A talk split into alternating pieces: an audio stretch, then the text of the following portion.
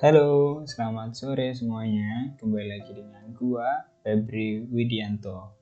Kali ini kita ketemu lagi di podcast Tukata yang selalu membagikan kisah-kisah yang ada di buku yang telah selesai dibaca dan isi-isinya pasti menarik.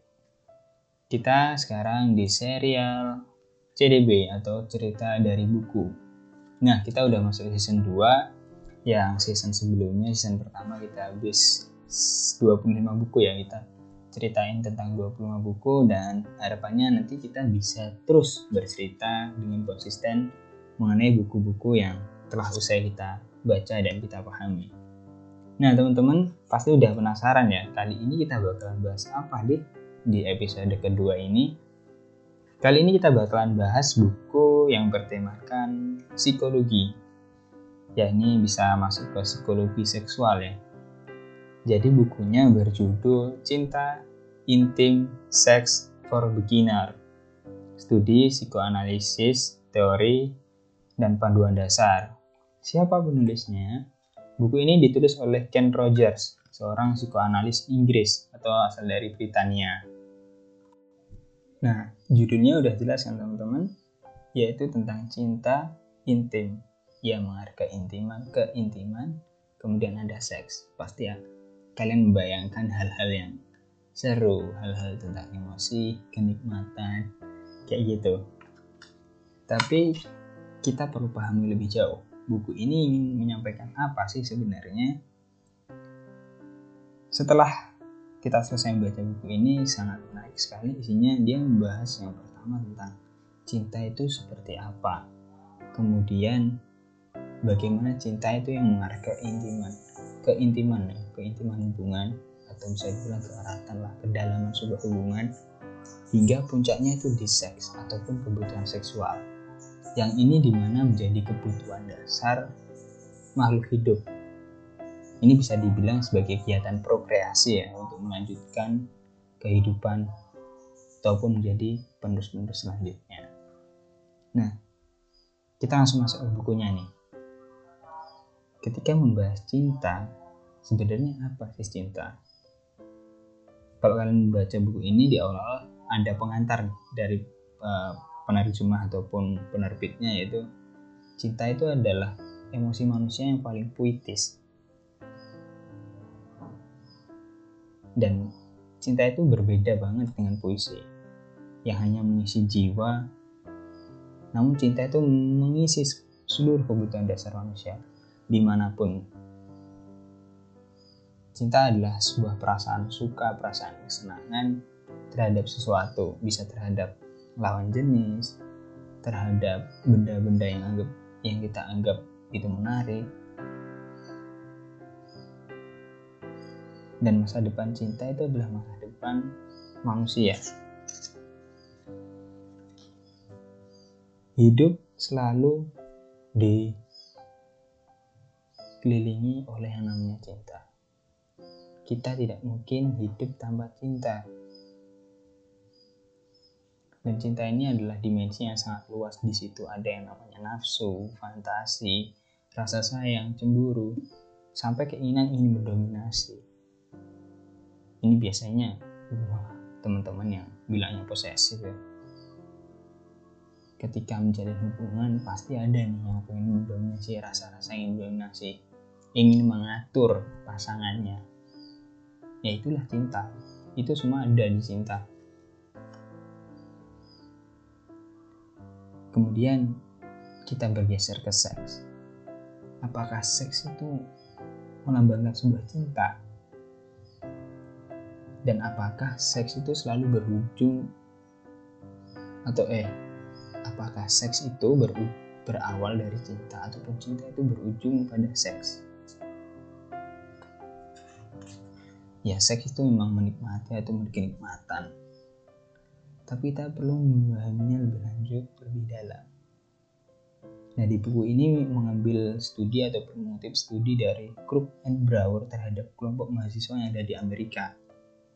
Dari hasil studi itu menunjukkan bahwa wanita itu selalu ataupun lebih dominan mengaitkan cinta itu dengan seks ketimbang pria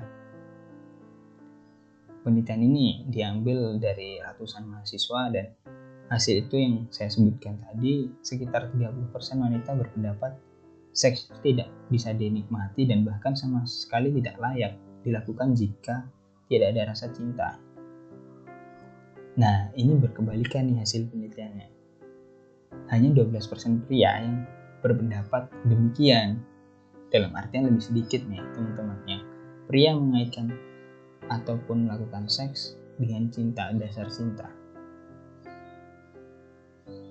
Dan mayoritas dari mereka yaitu 70% mahasiswa dan 79% mahasiswa lainnya berpendapat bahwa cinta bisa memperkaya seks dalam artian ketika kita melakukan seks. Yang dilatar belakang dengan cinta kita bisa berfantasi bisa lebih luas lah. Seperti itu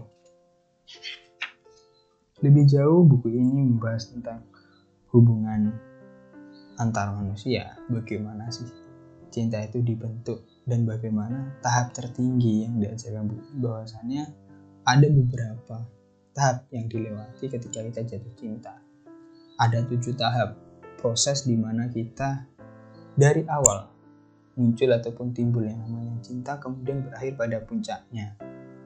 Dan namun proses ini tidak berurutan. Biasanya tidak di, tidak semua orang mengalami secara berurutan.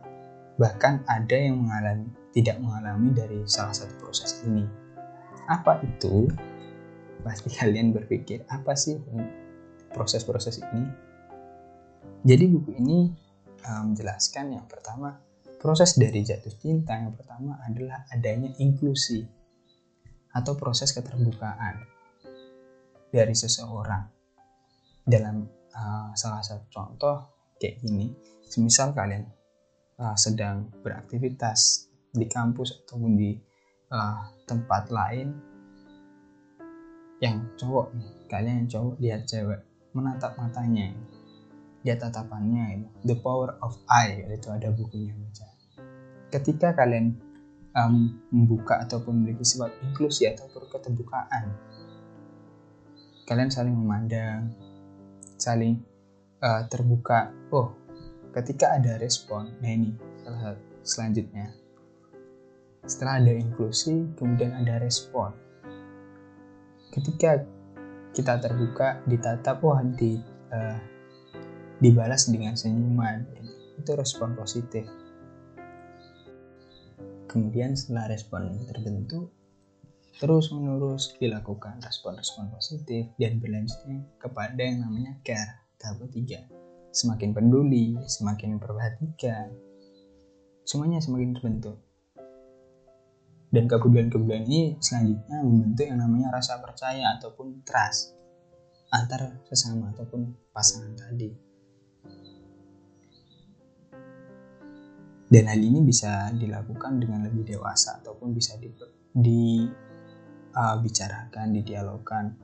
Bukan dalam tanda kutip posesif ya. Gak boleh ini gak boleh itu tapi kepercayaan ini bisa didiskusikan oh kita sepakat gak boleh kayak gini ya aku gak mau kayak gini. Gak mau A gak mau B sama-sama win-win solution lah. Nah setelah percaya ini terus menerus udah merasakan titik nyaman akan timbul namanya affection atau merasa kasih sayang perasaan hangat yang biasanya dilambangkan dengan pujian ataupun ekspresi suka, ucapan, tatapan manja, pelukan, dan banyak lainnya. Setelah proses ini biasanya semakin akrab maka sampai ke tahap playfulness ke fase keintiman biasanya bercanda-bercanda sudah sudah pada titik di mana jaim tuh hilang lah sudah main lempar bental guling pukul-pukulan dengan canda tawa. Setelah tahap ini mulai dilewati maka masuk ke dalam tahap keintiman atau genitality. Ya keintiman ini biasanya berujung pada uh, kontak genital ya. Kalau teman-teman tahu itu namanya berhubungan intim ataupun seks. Nah enam fase sebelumnya sampai fase playfulness tadi itu menimbulkan namanya hasrat seksual dengan beragam derajat tiap orangnya tiap individu. Dan mungkin seperti yang jelasin di awal tidak semua orang mengalami proses ini dengan bertahap. Sama seperti yang saya jelaskan dari buku ini namun bisa ada yang tidak mengalami ada yang langsung loncat dan puncaknya ini perasaan seks ini seperti sudah menjadi titik puncaknya atau menjangkau titik paling atas.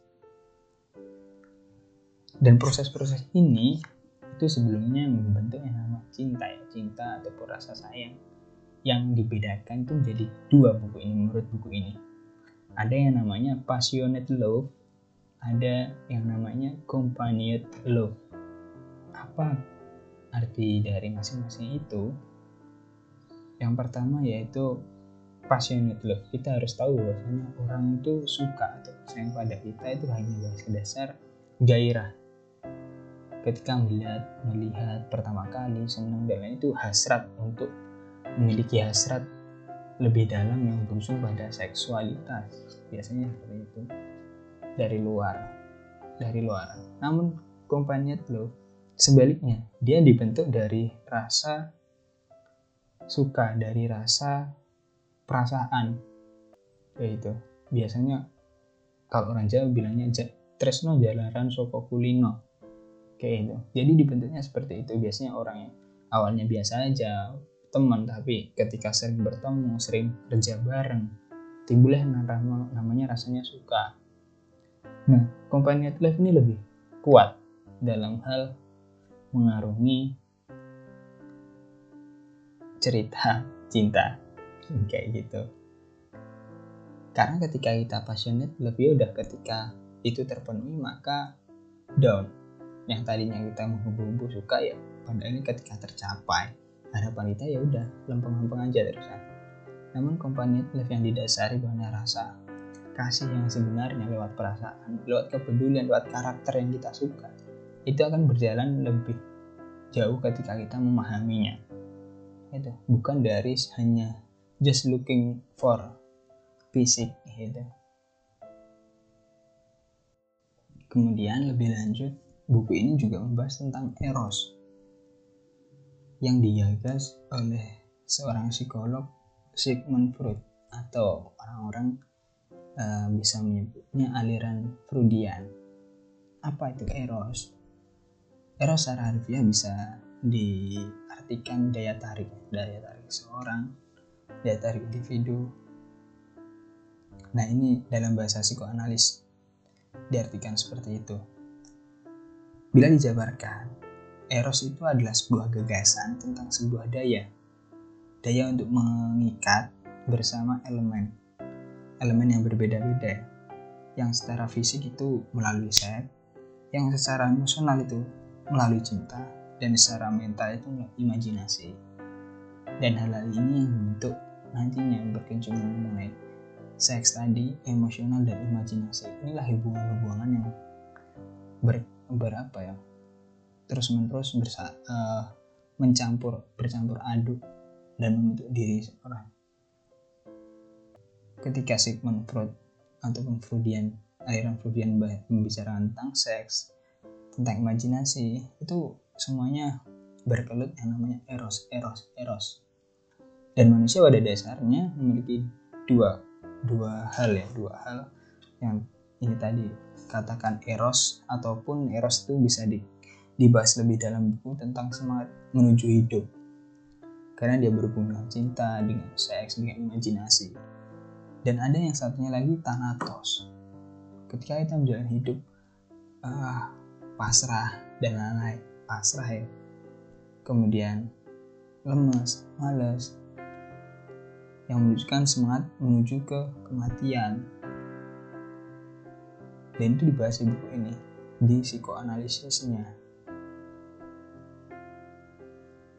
Dan membahas soal cinta yang dibentuk di awal ataupun cinta itu diajarkan di keluarga, buku ini menjunjung tentang konsepsi dari Freud yang disebutnya uh, titik oidipal ataupun oidipus kompleks kalau Freud menjelaskan atau menjabarkan yaitu ketertarikan ataupun sifat yang dimiliki seseorang anak yang cenderung untuk ingin memiliki orang tuanya atau yang suka terhadap orang tuanya.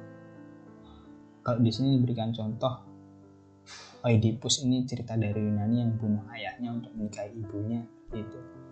Nah ini dibahas ya tentang mimpi, bagaimana mimpi itu mengindikasikan bahwasanya hal-hal yang menuju atau menjorok bahwa kesukaan seorang anak pada uh, ibunya. Kemudian ayah ini sebenarnya cemburu pada anak laki-lakinya. Ini juga dibahas di sini. Bagaimana sebenarnya cinta itu terbentuk.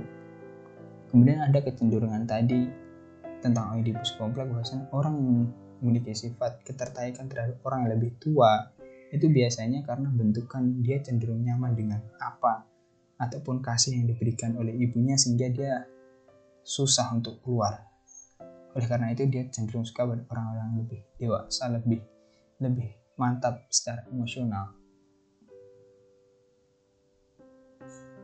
Itulah yang buku ini bahas mengenai konsepsi cinta, intim dan seks. Kita harus paham bagaimana menyesuaikan diri kita, mana yang cinta yang baik, kemudian apakah cinta itu harus selalu berhubungan dengan seks. Kita harus mengikuti norma ataupun uh, hukum yang berlaku. Ketika kita mempercayai itu hukum agama ya kita ikuti agama dengan benar.